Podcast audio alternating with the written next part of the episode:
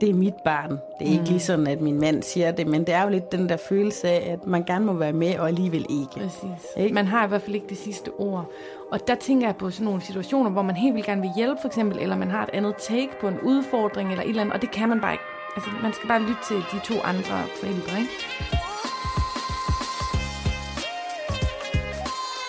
Du lytter til Siden Sidst med Satie Espersen. Og Sofie Marie Amy. Vi mødes, tænder mikrofonen og snakker om, hvad der er sket i vores liv siden sidst. Tune ind for ærlige og hysterisk morsomme samtaler om alt fra børnefamilielivet til de Aalborg-originaler, vi møder på gaden. Velkommen ind i vores venskab, og velkommen til.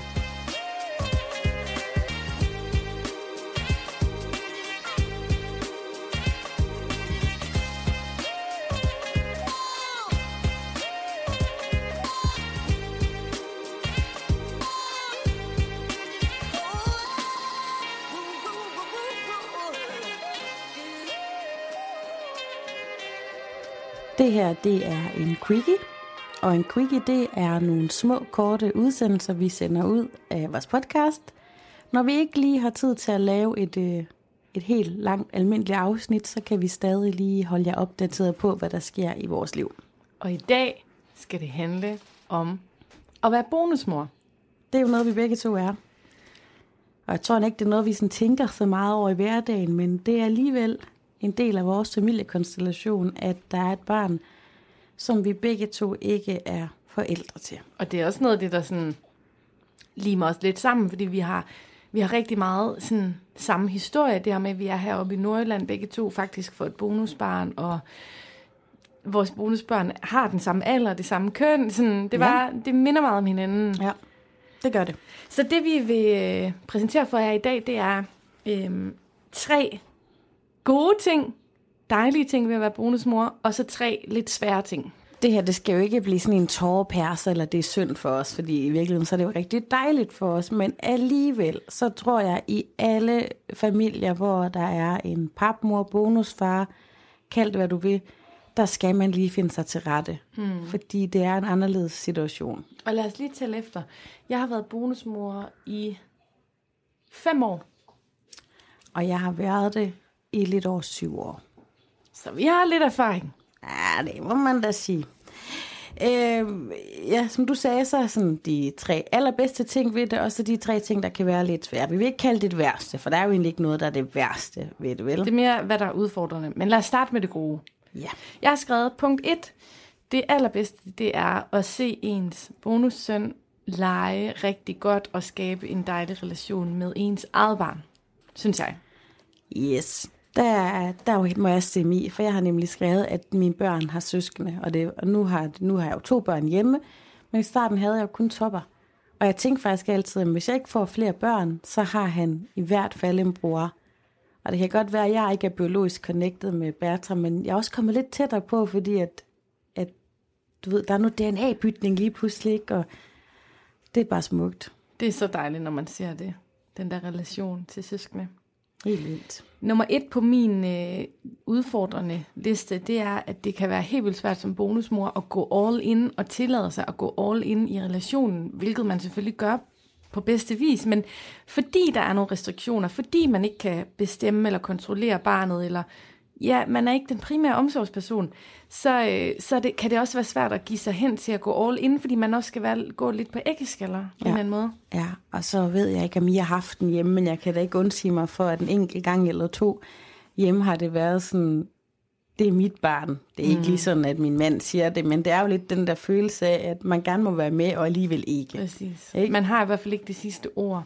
Og der tænker jeg på sådan nogle situationer, hvor man helt vildt gerne vil hjælpe, for eksempel, eller man har et andet take på en udfordring, eller et eller andet, og det kan man bare ikke.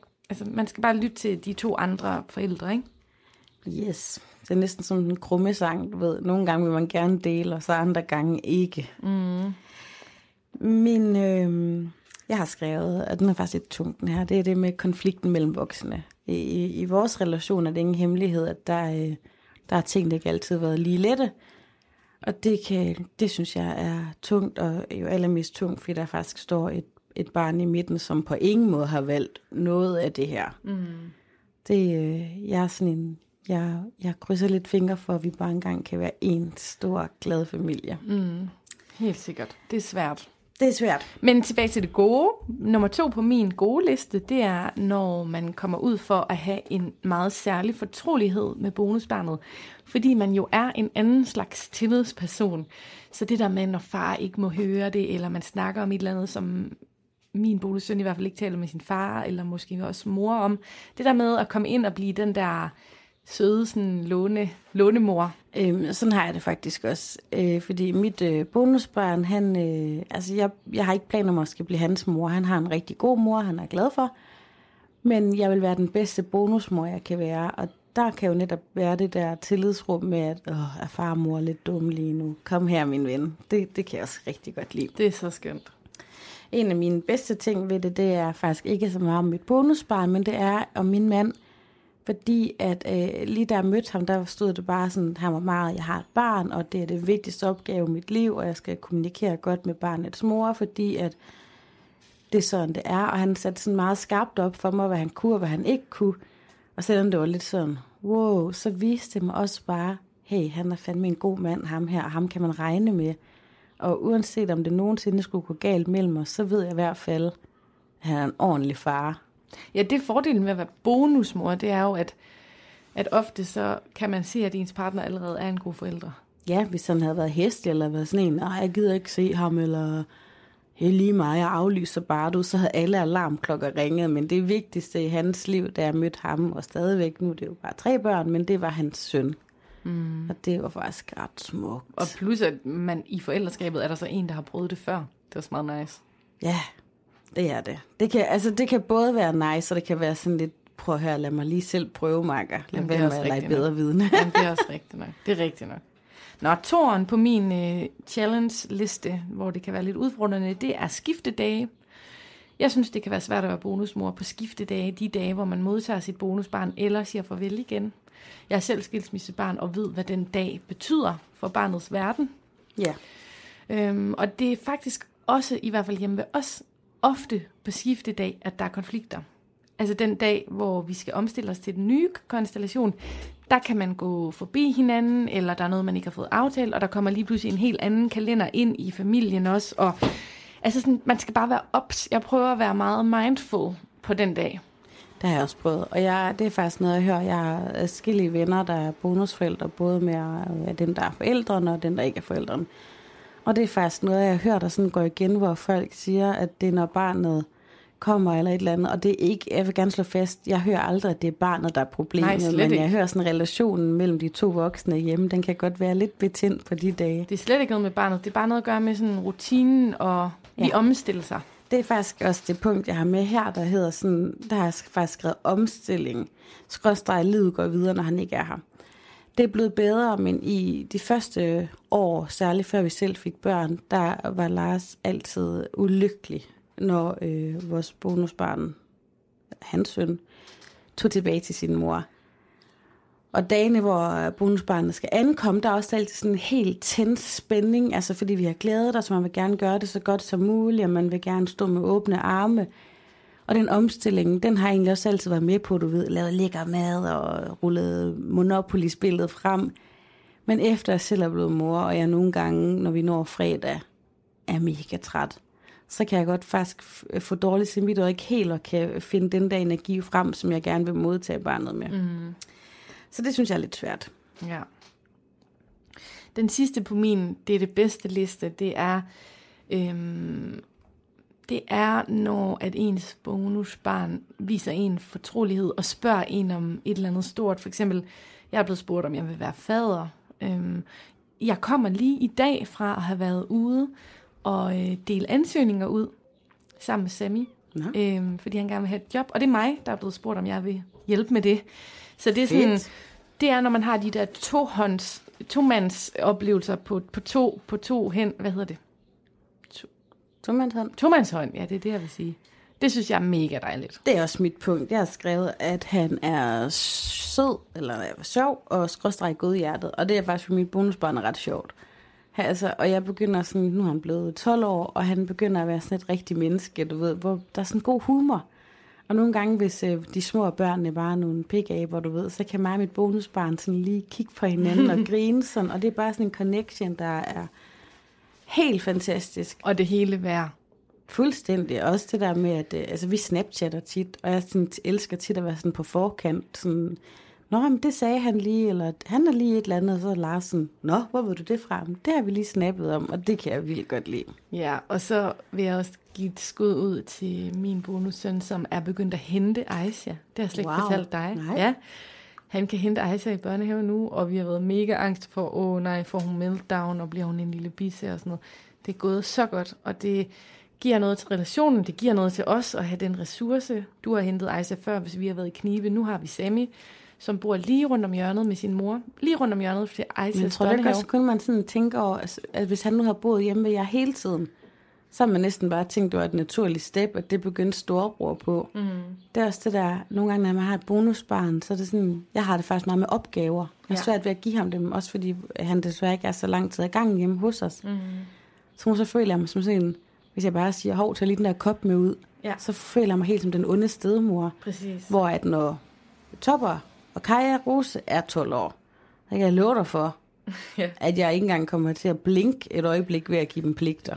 Ja, men det er det. Det, det, det er fuldstændig rigtigt. Altså, jeg, som, altså, som det sidste, inden jeg gik hjem fra i dag, var det også sådan, hey, vil du være sød og tømme opvaskeren og gøre det her og det her? Og jeg føler faktisk, det lyder jo mærkeligt, men jeg føler faktisk, at jeg inkluderer mit bonusbarn ved at gøre det.